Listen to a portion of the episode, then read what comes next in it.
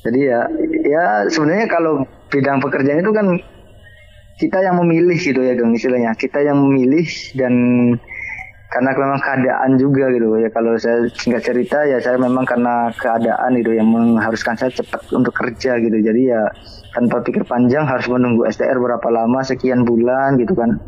Nanti saya takutnya nggak bisa bisa kerja gitu kan. Males duluan ya udah saya ambil aja dulu kerjaan yang ada kalau saya pribadi gitu ya Gang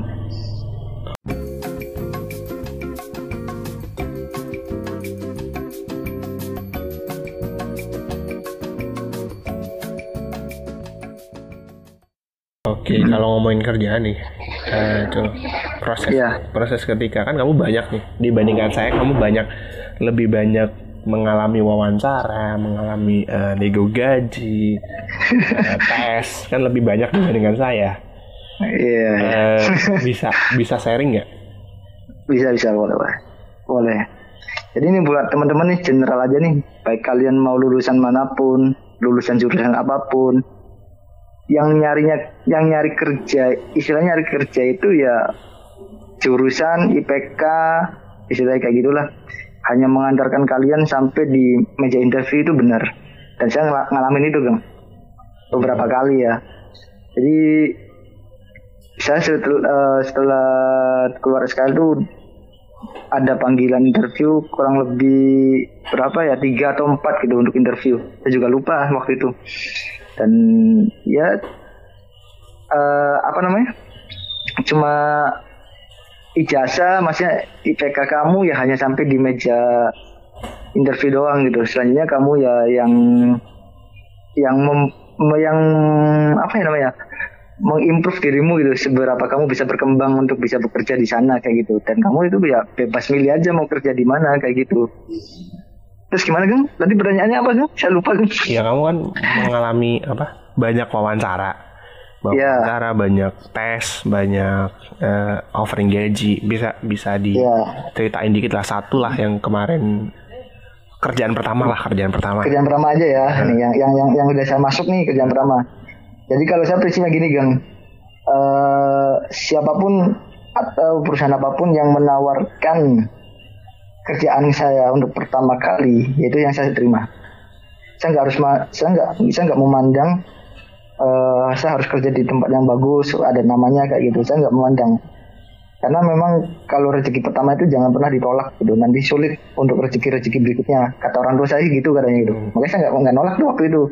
Ya alhamdulillah kerjaan pertama saya kerja di restoran memang bukan restoran kecil nih masalahnya grup restoran ya. Teman-teman juga mungkin yang sering nongkrong di mall-mall pasti tahu lah restoran apa aja kayak gitu. Nah kalau boleh sebutin brandnya ya saya itu kerja di lima brand lebih restoran kayak gitu dong hmm. karena memang grup perusahaannya. Salah satunya itu yang terkenal itu Raja Suki dong hmm. ya teman-teman Jabodetabek uh, harusnya kenal dengan Rata Suki. Kalau nggak kenal dengan Rata Suki, ya berarti Kokana lah lebih familiar lagi yang harganya lebih terjangkau buat teman-teman mahasiswa kayak gitu. Dompetnya lebih terjangkau kayak gitu. Nah, saya kerja di sana ya kerja di sana itu pertama uh, saya kerja apply itu apply online semua ya. Saya cobain semua nih aplikasi sampai hari ini pun saya masih, masih sering nyoba aplikasi apa sering bukan sering nyoba apa ya maksudnya sering buka aplikasi itu gitu.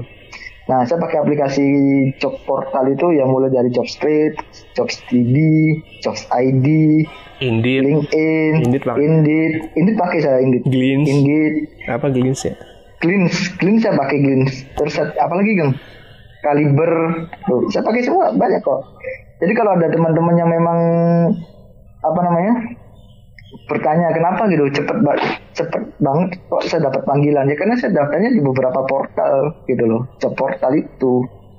Dan ya saya daftarnya juga nggak satu dua gitu dan saya nggak nggak pilih-pilih gitu rasanya dong. Pokoknya yang saya daftarin karena memang gizi gitu dan dari IPB dan ya deket banget sama pangan lah istilahnya gitu. Ya bidang yang paling sering saya daftarin ya bidang gizi dan pangan kayak gitu tapi lebih banyak kan pangan karena di gizi apa bidang gizi itu yang di job portal itu jarang ada gitu. Posisi yang paling ya. banyak apa? Posisinya? Po posisi yang paling banyak kalau di swasta ya yang ke, ya ke quality. Kualitas posisi yang berkaitan dengan quality. gitu ya. quality assurance quality control. Terusan yang untuk semua major itu biasanya ke purchasing gitu ya. Purchasing itu pembelian ya atau procurement lah namanya kayak gitu. Nah, R&D gitu, kali bisa kali ya? R&D bisa sama marketing sih biasanya. Marketing itu lebih banyak lagi bang all, all kayak major gitu. kayaknya kalau marketing ya all major all major cuman kalau kerjanya di perusahaan makanan, terus kita dari jurusan gizi atau dari makanan, ya untuk ke marketing kita lebih enjoy aja gitu kayaknya. Ya karena tahu gitu produk. Karena tahu tahu produknya gitu. Enggak gitu, lebih enjoy aja gitu. Nah, terus saya waktu itu uh, berapa hari ya, saya daftar itu keluar SKL, eh, sebelum keluar SKL saya coba daftar aja gitu online. Terusan setelah keluar SKL itu saya dapat uh, apa namanya? Eh sorry nih saya daftar itu setelah keluar SKL semua. Ini daftar saya kedua setelah saya daftar di rumah sakit yang tadi yang saya nggak dipanggil itu. Mm-hmm. perusahaan pertama saya kerja ini. Nah saya daftar tuh. Dua minggu berikutnya saya dapat panggilan. Dapat panggilan itu uh, saya wawancara bukan lagi sama HRD kan tapi, sama user sama user langsung saya. Sama user langsung. User hmm, itu apa? User itu manajer. Uh, mungkin ada hmm. teman-teman yang belum tahu. Ya, user itu ya setara manajer atau supervisor kayak gitu. User itu ya artinya ya yang atasan yang akan nanti kan. Ya, yang akan menjadi atasan kita gitu. Baik itu supervisor ataupun manajer kayak gitu. Karena memang ada beberapa perusahaan yang punya manajer gitu untuk satu departemen gitu ya. Ada gitu. Hmm, gak ada manajernya, Geng. Baru, baru tau gak, Geng? Dengar perusahaan gak ada gak punya manajer, Geng. Iya, iya, iya. Ya. Hmm. Terus, Kayak gitu. Nah, ya, saya interview sama manajer. Ya, karena memang manajer juga lagi-lagi nama kampus itu membawa keberuntungan kali ya, Geng manajer juga udah udah tahu gitu maksudnya oh ini ya lulusan dari IPB. lulusan IPB gitu gizi gitu dan, dan kebetulan memang ada ada juga gizi IPB di sana gitu cutting saya nih Kak Eli nih gitu kan shout out to Eli ya Rizky Pramono ya. kalau dengerin ya. ini Yo, saya saya makasih banyak nih ke Kak Eli nih, ke, ke Kak Eli saya makasih banyak. Uh, ya bukan kemampuan orang bukan mengandalkan koneksi. koneksi orang dalam ya istilahnya. Tapi ya dengan adanya KL ini sangat membantu gitu istilahnya dengan performa kinerja KL yang bisa dianggap apa bisa dikatakan baik, artinya manajer percaya untuk merekrut lulusan IPB juga dong. Kayak gitu loh. Ekspektasinya adalah nanti uh, performanya sama atau lebih bagus sama. dibandingkan dengan uh, yang hmm. udah ada gitu kan. Ya udah ada, minimalnya sama lah gitu kan. Kayak gitu. Nah, akhirnya saya cuma ditanyain gini doang sama manajernya sama manajer saya waktu itu posisi daftar quality assurance ya karena memang saya lebih tertarik quality assurance kayak gitu nah saya cuma ditanya gini aja Ki kamu buku terakhir yang kamu baca apa Ki cuma ditanya gitu doang hmm. saya jawab aja saya baca buku tentang ini uh, konsumsi pangan saya bilang kayak gitu ya skripsi kamu itu ya. Enggak ada, ada oh, bukunya. Oh, ada. Konsumsi pangan ada. Itu bukunya penguji saya nih, Ibu Yayu. Oh iya. Okay. Nah, itu bagus tuh buku lama tapi bagus banget dong. Nah kayak gitu. Uh, saya bilang oh itu ya. Terus coba kamu ceritakan isi bukunya apa. Saya ceritakan dong. Ini gini gini gini ya gitu. Skripsi kamu apa ki? Cuma ditanya gitu doang. Ya skripsi saya gini pak konsumsi pangan gitu di Pandeglang. Saya bilang kayak gitu. Ng ngapain ngitung ini ngitung ini. Oh oke okay, oke okay, oke okay, kayak gitu. Terus saya dilihat dilihat dong uh, ini ya identitasnya kan dari tanggal lahir, tempat lahir kayak gitu kan, hmm. identitas pribadi dan tempat lahir Bon. Waktu itu memang ada kebutuhan untuk posisi quality assurance di Cirebon karena memang perusahaan ini satu Indonesia lah perusahaan nasional gitu dan ada cabangnya di Cirebon juga gitu. Jadi saya langsung dibilang kayak gini sama manajernya, oke, okay, kamu penempatan Cirebon aja ya dalam hati saya bingung nih. Manajer langsung bilang penempatan Cirebon. Saya masuk nggak sih kayak kalau kayak gini gitu? Sedangkan saya belum nego gaji belum apa kan. Hmm. waktu itu awam banget nih tentang kayak gini. Ya saya sharing-sharing aja sama Kak Eli gitu kan yang memang udah kerja di sana gitu. Nah ya akhirnya eh selang beberapa lama ya udah deh saya sambil nyari-nyari kerjaan lain gitu kan ikut interview-interview lain gitu kan. Saya dipanggil lagi nih sama perusahaan yang tadi dipanggil lagi. Saya ketemu langsung sama direkturnya geng. Hmm. Hmm, sama direkturnya direktur yang general lah kayak gitu istilahnya. Bukan direktur operasional gitu. Jadi ada dua direktur di perusahaan itu gitu. Satunya direktur operasional satunya direktur yang untuk uh, semua lah untuk orang-orang office kayak gitu. Karena kualitas ini kan maksudnya kan ke office kayak gitu. Yeah. bukan ke operasional. Nah saya di, cuman di, ditanya gini doang kamu kerja di sini mau gaji berapa? Dan saya, saya, saya, saya, saya jawab. Saya jawab gini. Saya mau kerja di uh, apa saya di sini ya karena memang penempatan Cirebon pak. Itu saya bilang ya tiga juta gitu lah. Karena first grade juga kan. Ya dong tiga uh, juta pak. Itu MK-nya Cirebon waktu itu berapa waktu itu UMK-nya Cirebon satu juta delapan ratus kan udah hampir dua kali lipat ya. Kurang lebih dua kali lipat lah kurang lebih. Iya kurang lebih dua kali lipat. Saya bilang tiga juta. Pokok saya bilang kayak gitu kan gapok gitu. Kayak gitu. Saya bilangnya gapok tiga juta itu. Dan apa namanya? Terus si direktur itu nggak basa-basi lagi. Dia nulisin ngejabarin ini apa kamu sekian uh, tunjangan kamu seki, uh, tunjangan operasional kamu sekian uang makan kamu sekian. Terusan apa namanya kalau di perusahaan kan karena ini kerjaan mobile gitu jadi ada namanya tunjangan servis motor gitulah. Kayak gitu gang sama uang pulsa sekian kayak gitu. Nah terusan ternyata di total itu saya, saya hampir dapat 4 juta waktu itu. Dan saya rasa tinggi ya untuk di Cirebon itu dan saya nggak ngekos. Uang saya utuh gitu. Bolak balik dari rumah juga deket gitu. Akhirnya saya si direktur bilang kayak gini kamu setuju nggak? Deal nggak uh, dengan penawaran gaji sekian?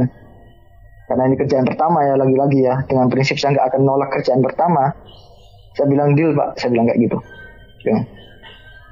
nah udah deh deal nih. Dengan gaji yang hampir 4 juta itu. Ter ya kerja saya langsung ke Cirebon nih. Kerja tuh benar-benar dilepas ya Gung nggak ada bimbingan dari manajer. Saya cuma belajar dari senior doang. Senior saya yang ada di Cirebon yang lebih dulu masuk. Dan kebetulannya lagi asiknya lagi nih. Senior saya yang di Cirebon itu orang IPB juga kan oke okay. uh -huh. asiknya lagi. Jadi dia ngajarin ya enak banget itu ngajarin. Oh kayak gini ki kayak gini gitu ya karena memang senior saya juga bukan dari basic pangan atau bidang gizi gitu akhirnya kan dia juga sharing ke saya maksudnya nanya-nanya juga ki kalau penanganan makanan kayak gini gimana suhu harus berapa kayak gitu ya biasalah gitu ya gang Oke, okay, so, uh, hmm. sorry aku potong. Jadi sebelum sebelum masuk uh, tadi kan uh, sebelum kan ini kamu bakalan ceritain nanti kerjamu hmm. kan. Iya. Yeah. Uh, kayaknya banyak banyak banget sebenarnya Eh, pertanyaan-pertanyaan yang kayak gimana sih offering untuk uh, apa namanya nego gaji untuk kalau tes katakanlah kalau kalau jadi itu kan kalau kita wawancara kan ada dua uh. Uh, pada dasarnya ada dua dua garis besar uh. proses yang kita lalui sama HRD untuk HRD atau uh, manajerial segala macamnya untuk offering gaji dan segala macamnya atau dan sama user cocok atau tidak hmm. cocoknya. Hmm, betul. Kalau cocok tidak cocoknya sama user kan tergantung ya bagaimana kita jawab, bagaimana kita uh, menjelaskan pertanyaan uh, jawaban dari pertanyaan-pertanyaan yang mereka ajukan seputar requirement um, tenaga yang mereka butuhkan. Hmm. Kalau uh, soal offering gaji, tentang offering gaji, kalau saya pribadi ya, saya punya patokan gini, Gung. Saya penempatan daerah mana dulu nih, kayak gitu kan patokan saya nih saya harus lihat UMK UMK lah minimalnya. Karena di Cirebon itu nggak ada UMSK gang.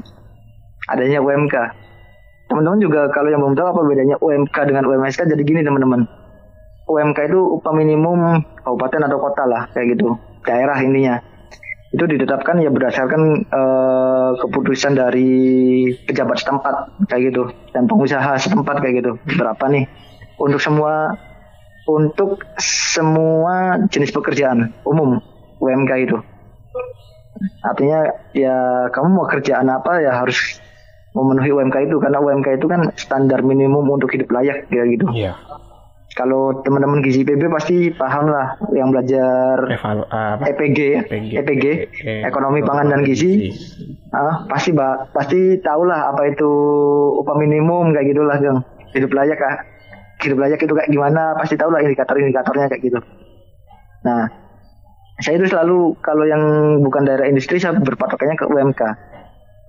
UMK plus kalau di Cirebon karena nggak ngekos jadi ya udah saya pikir biaya hidup saya sehari-hari aja di sana buat transport berapa kayak gitu hitungannya gitu doang berarti ditambahnya berapa persen tuh kira-kira dari UMK atau UMSK nya karena saya waktu itu minta 3 juta ya berarti kan 1,8 nih. Dari 3 juta ya lumayan tinggi juga ya Geng. hampir 50 persenan gitu. Hampir 50 ya berarti kan sejuta dua ratus lagi ya, ya lebih dari 60 persen bahkan saya mintanya waktu itu. Oh, karena okay. UMK-nya kecil banget gitu soalnya. UMK dengan UMK yang kecil dan saya memang hidupnya di Cirebon saya tahu gitu maksudnya uh, berapa sih harga makanan di sana? Saya tahu gitu. Berapa sih kehidupan minimum apa berapa sih buat transport kayak gitu kan? Kalau bensin kan nasional nih harganya sama semua. Sama ya sekarang. Seenggaknya kan makanan lah gitu. Makanan yang kayak gitu gitu kan saya hitung-hitung nih. Karena saya juga nggak mungkin kan kerja terus makannya balik ke rumah. Pasti makannya di jalan kan? Hmm, yeah. kayak gitu. Kan nggak dikasih makan waktu itu. Iya, karena waktu itu saya nggak dikasih makan sama perusahaan. Dikasihnya uang makan doang gitu. Nah, jadi ya udah saya minta waktu itu saya kebayang 3 juta gitu. Ya udah 3 juta. Dan ternyata perusahaan ngasih ngasih lebih gitu. Ya udah, alhamdulillah kan gitu. Nah, uh, gitu. Uh, itu kan kamu masih uh, jatuhnya kayak udah udah research udah udah nyari udah neliti dulu lah aku akan iya. akan uh, ngajuinnya berapa faktor-faktor apa aja nah aku dulu yang dikerjain kok sekarang ini hmm? uh, jatuhnya sebenarnya gini uh, pas offering gaji ya. Kalau yang pas sama user dan uh, manager itu head. Uh, itu uh, ya cocok-cocok kembali lagi tadi kayak tadi cocok-cocokan aja waktu itu. Iya. Aku langsung sama uh, shift produksinya shift hmm? produksinya sama orang supervisor sama supervisorku. Jadi dua orang dan mereka interviewnya langsung pakai bahasa Inggris. Dan aku, Ush, aku mantap. dikasih tahu dikasih tahu ya modal PD doang karena karena bagi aku juga aku jelasin apa ditanya katakanlah ditanya penelitianku yang tahu penelitianku kan aku bukan mereka mm. gitu mm. kayak PD PD aja gitu Iya betul harus PD tuh kuncinya satu. Nah waktu itu eh, hari kedua aku baru sama uh, eh, HRD-nya. Jadi General Manager hmm. untuk HRD, HR dan GA, Human Resource hmm. dan General Affair. Nah, uh, dia langsung nembak waktu itu kayak uh, kita cuma bisa ngasih UM, UMK, eh, UMK lagi apa? UMR Jakarta. UMR. UMR ah. Jakarta waktu itu. Cuma ngasih segini hmm. uh, sama uang transport. Nah, uh, terus dia bilang gini uh, karena kamu fresh graduate ya kita cuma bisa ngasih segitu uh, kata-katanya waktu itu gini ya kamu kan uh, fresh graduate. Jadi ya hitung-hitung kamu belajar sambil kerja.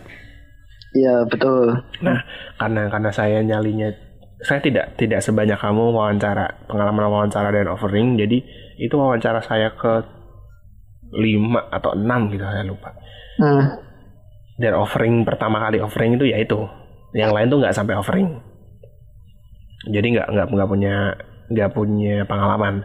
Ya udah saya iya iya aja karena karena saya pikir kayak ya udahlah untuk pengalaman pertama ya jalanin aja gitu toh toh hmm. minimalnya udah udah dapet dan tanpa ada tambahan transportasi dan ternyata setelah saya um, masuk di situ hmm. ternyata kalau kamu lebih berani dikit ternyata bisa kayak kamu ngajuin dulu aja lebih tinggi gitu toh nanti kalau kalau kalau dia merasa ketinggian offering yang kamu kasih dia akan nurunin kalau segini berapa jadi kayak nego lah ya ini gitu. adalah nego ya waktu itu hmm. waktu itu saya nggak kepikiran kayak coba deh nego dulu gitu hmm.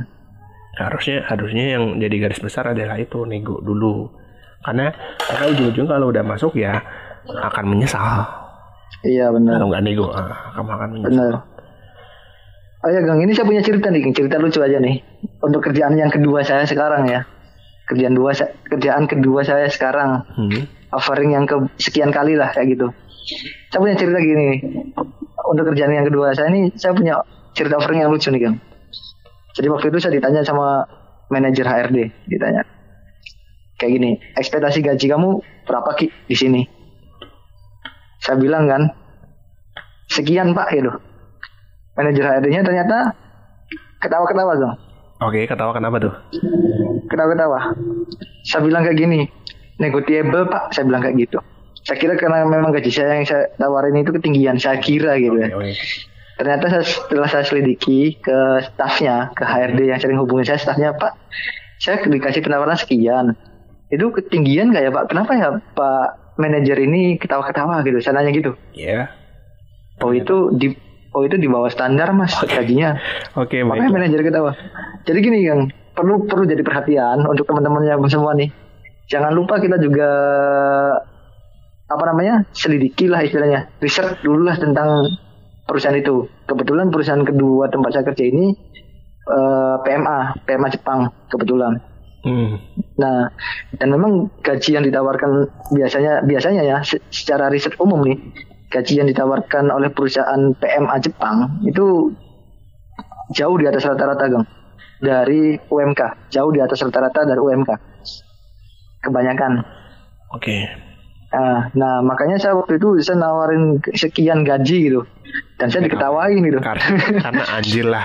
Cuma cuma yeah. minta segini padahal mah kita standarnya di atas itu gitu kali. di atas itu gitu.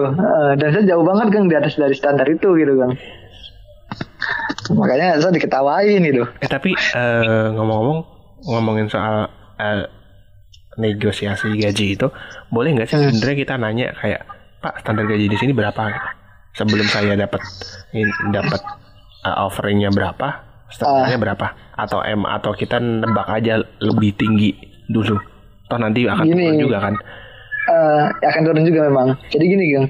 Sebenarnya kalau kita dari awal sebelum nego udah nanya hmm. Berapa uh, berapa gaji standar di sini? Ya nanti kamu dikasih standar kan kayak gitu loh. Makanya saya nggak merekomendasikan untuk nanya uh, pas offering standar gajinya berapa pak. Di sini saya nggak pernah merekomendasikan kayak gitu ke teman-teman gitu. Ya saya bilang kamu punya hitungan dong harusnya. UMK di sana apa UMK atau UMSK di sana berapa? Ditambah biaya hidup kamu kira-kira berapa di sana? Sehingga kamu tuh cukup gitu istilahnya. Nah itu Gang. Kalau kita nanya standar gajinya di sini berapa nanti kalau standar gajinya misal di sana ikutin UMSK nih. UMSK misal untuk perusahaan makanan itu 4,8 lah. Nah, ya nanti kamu dikasih 4,8 itu bersih apa? All in kan masalahnya. Dikasih 4,8 all in nah 4,8 all in. Tapi kalau case-nya kayak kamu yang ternyata offering kamu terlalu rendah? Nah waktu itu saya akhirnya nanya Gang karena memang bisa bilang negotiable dan dia ketawa gitu. Ya saya nanya kan standar gajinya berapa pak di sini? Dan dia nggak jawab gitu. Manajer manajer hr nggak jawab gitu. Uh, terus kata ini ya karena memang nggak nggak ada kon apa nggak ada konklusi ya waktu itu nggak ada kesimpulan saya dapat gaji berapa ya gang. Ya saya nanya dong ke yang staffnya kan. Saya tanya balik lagi dong tentang ini uh, standar gajinya berapa gitu ke staffnya tapi bukan ke manajernya. Kata staffnya sekian pak. Makanya saya bilang waduh gaji saya kekecilan dong kalau ngajin segitu. Dan saya bilang negotiable lagi. Gimana nih pak? Nanti gaji saya kekecilan dong dikasih segitu. Terus kata kata manajernya eh, kata manajernya kata staffnya bilang kayak gini uh, uh, ya udah pak. Ini karena memang memang terhitung masih fresh graduate waktu itu belum pengalaman kerja kurang dari satu tahun ya dihitungnya saya ikut standar mereka gitu. Dan standar mereka lebih tinggi daripada ekspektasi saya gitu kan well good gitu. then. Well good memang. Dan ya ya memang saya bersyukur banget gitu. Ya memang bersyukur banget gitu. Alhamdulillah lah alhamdulillah banget gitu. Ya, ya makanya ya udah gitu. Ya tapi ya memang karena pandemi kayak gini ya. Pandemi kayak gini gitu. Dan ya kebetulan waktu oh ya untuk sebagai teman-teman juga nih. Waktu itu cerita lagi nih gini saya gang ini nggak apa-apa kalau saya cerita agak panjangan dikit gang cerita aja boleh. Oke. Okay. ntar paling paling kita bagi jadi dua paling nanti ya partnya. Iya boleh boleh. Uh, udah mau hampir jam 9 ya? Uh, nggak apa-apa sih. Uh, jadi gini ya untuk teman-teman nih maksudnya uh, perlu diperhatikan juga nih ketika kita offering kerja kita juga harus perhatikan perjanjian kerjanya gitu loh. Ya pelajarin aja lah dulu perjanjian kerjanya kayak gimana gitu. Karena saya waktu itu di kerjaan kedua saya uh, saya ini dapat dua offering dari perusahaan yang berbeda. Oke. Okay. nah, dan satu perusahaan itu dia punya perjanjian pro, uh, perjanjiannya itu apa diterima kerja di sini dengan posisi ini uh, tapi probation 6 bulan setelahnya karyawan tetap kayak gitu. Di perusahaan yang tempat saya kerja sekarang perjanjiannya bunyinya gini kan bilangnya gini e, bapak perjanjiannya pakai perjanjian kontrak ya satu tahun. Setelah satu tahun bapak karyawan tetap. Karena saya bingung dong probation 6 bulan sama karyawan tetap satu tahun. Tapi saya milih yang karyawan uh, apa kontrak satu tahun terus karyawan tetap bukan probation. Karena yang setelah saya riset itu nggak ada perjanjian kerja probation itu nggak ada. Saya makanya saya saya khawatir gitu dengan perjanjian kerja probation itu. Karena bisa dimanipulasi juga sama perusahaan itu makanya saya mending yang jelas saja lah perjanjian kerja waktu tertentu PKWT setahun. Artinya sehingga dalam waktu setahun itu saya aman punya kerjaan gitu uh, jangan sampai enam bulan saya dikat gitu, gitu aja. Tapi kalau di di uh, saya yang saya alamin adalah waktu itu hmm. hitungannya masuk mas ya kamu di kontrak enam bulan yeah. saya uh, saya hmm. di kontrak enam bulan tapi tiga bulan yang pertama tuh hitungannya probation percobaan tapi sudah masuk kontrak jadi nah, saya sudah kontrak gitu uh, tapi nah kalau kalau bunyinya kayak gitu masih nggak gitu. apa-apa tuh hmm. nah kalau bunyinya kayak gitu nggak apa-apa masih penting itu daripada kamu tanda tangannya bunyi kontraknya itu kontrak probation aja kan bukan kontrak pegawai apa pekerja uh, perjanjian kerja waktu tertentu kayak gitu loh. Hmm. artinya kalau di PKWT terus kamu ada probation ya nggak apa-apa itu wajar itu. Itu kebijakan perusahaan. Karena perusahaan juga kan harus uji coba uji coba dulu dong. Hmm. kayak gitu. Nah yang dikhawatirkan itu kayak kerjaan pertama saya yang kontrak pertamanya itu enam bulan itu bukan kontrak probation. PKWT tapi kontraknya kontrak probation. Jadi ketika saya dikat karena PHK gitu kan uh, karena corona ya saya gaji saya nggak utuh gitu okay. kayak gitu terus sama ini kali cul uh, banyak banyak yang kalau kalau saya waktu itu kan untuk offering gaji agak kurang riset sebenarnya. Ya, tadi yang hmm. saya ceritain bahwa saya kurang riset. Tapi untuk tunjangan apa yang diharapkan tuh saya saya udah mikir dan udah udah hmm. beberapa kali riset di sono. Uh, pokoknya yang yang banyak dilupain itu kan tunjangan apa BPJS kesehatan. Iya ya betul. BPJS kesehatan sama ketenaga kerjaan juga kan. Kerjaan ya. kan ada teman-teman yang uh, kerja nggak paham itu dapat itu atau ada yeah. yang nggak dapat gitu Iya betul. Ya, itu itu itu jadi garis bawah nih teman-teman. Jadi kalau orang kerja di instansi mana pun orang kerja ya pekerja ya atau penerima upah itu harus uh, wajib mendapatkan dua BPJS, BPJS kesehatan sama BPJS ketenaga kerjaan. Artinya apa? Uh, kita dapat BPJS itu yaitu kita dilindungi sebagai pekerja gitu dari kecelakaan kerja dan dari sakit kayak gitu loh. Dan BPJS kesehatan ini yang kita dapatkan itu bukan hanya untuk kita aja, tapi untuk satu keluarga kita. Harusnya kalau yang udah punya family, anak dan istri lah ya, uh. ya udah punya anak dan istri, itu BPJS kesehatan itu mau cover satu keluarga dong, satu istri tiga anak Iya, kayak gitu. istri ya, iya sih. Kamu nggak bisa kan? Niatmu kan mau empat. iya aja. Nanti ya kerjanya banyak lagi dong biar masuk semua gitu ya. nah, kalau BPJS kesehatan apa BPJS ketenaga kerjaan ya untuk perlindungan diri kita dari kecelakaan kerja sama uh, kan ada programnya tuh jaminan hari tua, jaminan pensiun, jaminan kecelakaan kerja, kayak gitu-gitu. Nah itu nanti bisa dilihat kita. Ya harus jelas lah ya hmm. gitu. Harus gitu. jelas ya gitu. Terus tunjangan-tunjangan yang lain kayak tunjangan-tunjangan yang lain. Um, apa namanya? Kalau ada transport-transport, makan, transport, gitu. Makan, gitu. makan harus dapat tunjangan makan.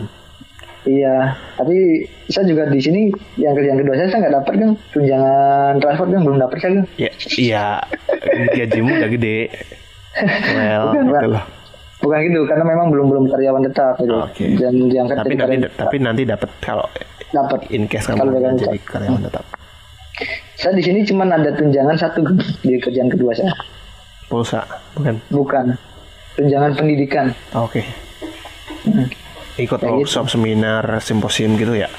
Oh, ya, Enggak, enggak harus kayak gitu. Pokoknya namanya tunjangan pendidikan terserah kita mau dipakai buat menyekolahkan anak kayak gitu. Oh, buat oh, iya, buat iya. kita sekolah lagi nggak apa-apa kayak gitu. Dan itu nggak ada nggak ada keterangan pertanggungjawaban untuk apanya gitu. Jadi ya namanya tunjangan pendidikan aja kayak gitu. Ya tapi kayak gitu harus harus clear.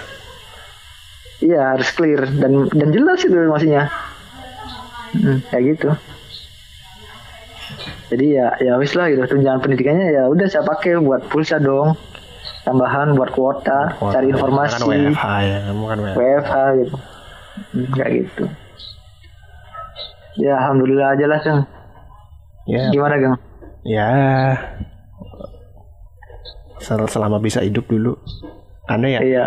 ya mau idealis kayak wah tadi kita ngomongin STR uh, eh, mau kerja yang di rumah sakit tapi kan tidak semua rumah sakit uh, buka loker dan ketika buka loker kan mereka butuh STR iya wajib STR lagi ya. Wajib STR bahkan teman-teman kita yang adik kelas kita yang belum punya STR udah lulus belum punya STR kan ya mau daftar juga bingung.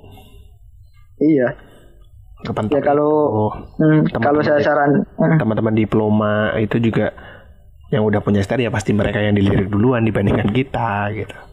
Iya sebenarnya ini gang kalau saya saranin ya kan temen uh, teman-teman adik tingkat kita nih banyak yang nanya juga uh, japri lah ke saya gitu dan tentang apa namanya tentang kerjaan di rumah sakit itu. Dan ada beberapa yang memang uh, mereka itu sempat interview dan ya interview lah sempat dikasih kesempatan untuk uh, interview di rumah sakit kayak gitu.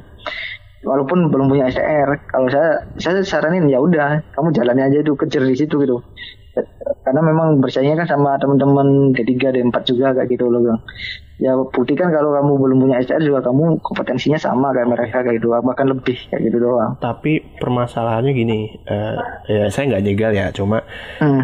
uh, saran kalau kalau boleh saya saran bahwa selama proses itu kamu lolos ya lanjutin aja toh nanti ketika memang STR itu jadi syarat mutlak kalau kamu nggak punya STR dan uh, itu akan bermasalah hukum.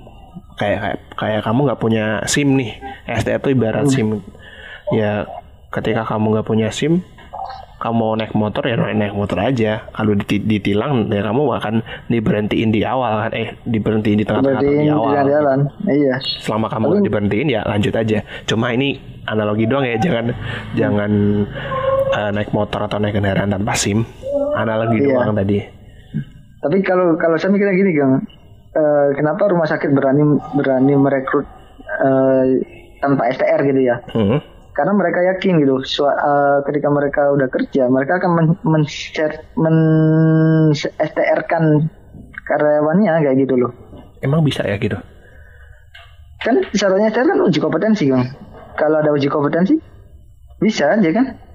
Bisa. Kayak gitu. Ya, bisa. nah uji kompetensi kan bisa dilakukan di mana aja nggak cuma di kampus kita itu gitu. Ke institusi ke DPP DPP-nya juga bisa gitu. gitu ya bisa bisa bisa bikin satu grup sendiri gitu kali ya. Bisa bisa bisa. Kayak gitu. Kemungkinan ya kemungkinan besar sih bisa. Ya wong satu apa hubungannya institusi dan institusi kok gitu. Kolektif gitu ya jatuhnya ya berarti ya? Kolektif bisa gitu. Atau mendaftarkan pribadi juga kayaknya bisa juga dengan waktu itu waktu itu tuh kalau nggak salah ada deh yang hukumnya itu ikut ke kampus lain kayak gitu kan. Apa ada, sumpah profesinya gitu. Ada, ada. nah itu kan bisa juga berarti. Hukumnya ada yang ikut kita di region IPB eh, Bogor. Ada. Mm -mm. sumpahnya sumpahnya kurang tahu saya. Iya, pokoknya ya, ya bisa bisa di apa namanya bisa ada prosedurnya lah kayak gitu ada ada caranya gitu tapi ya saya yakin aja gitu kalau memang rumah sakit ini merekrut tanpa harus ada STR artinya nanti suatu ketika bisa di STR kan kayak gitu loh. Iya, pasti iya. bisa di STR kan kayak gitu iya, walaupun sekarang lagi polemik hmm. untuk uji kompetensinya kayak gitu. Ya kalau mau kerja buat lulusan gizi S1 kalau mau kerja di rumah sakit ya monggo dicoba aja mau ada STR nggak ada STR terawas aja cok. Toh daftar juga nggak bayar. Ya paling iya kalau kalau disuruh ngeprint aja lah ngeprint ngasih pos kalau di rumah sakit kan nggak hmm. mungkin kayaknya kayaknya jarang deh kalau jarang, rumah sakit jarang online uh, online gitu kan ya paling dikirim hmm. pos gitu ya paling bayar itu doang kan gitu ya udah iya. coba aja nggak ada coba aja lah nyoba kalau memang pengen kerjanya di rumah sakit kalau memang kerjanya iya. pengen kerja di yang lain ya ya coba aja marketing quality assurance quality control uh, digital marketing mungkin ada yang jago desain. Kalau kalau yang untuk kita yang sebagai lulusan mahasiswa yang biasa-biasa aja dan dan memang kita terbentur dari segi ekonomi ya gang ekonomi keluarga gitu istilahnya ya. Ya kita nyari kerja ya memang sekiranya yang cepet kerja gitu ya Gang. Jadi ya ya apa aja gitu. Cara ini boleh kalian teman-teman tiru gitu kalau lagi kepepet gitu. Tapi kalau saya pribadi menyarankan ya kalau kalian punya idealisme ya tetap berpegang teguh idealisme kalian aja kayak gitu. Ya enggak, Gang?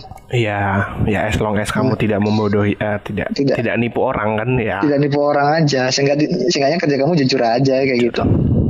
Ya, tapi itu kan uh, spektrumnya panjang tuh sebenarnya tidak nipu tuh maksudnya. Kayak yang awal-awal kita ngomongin tentang STL tadi kan ya nggak nipu. Iya. cuma iya. tidak 100% jujur hmm. gitu.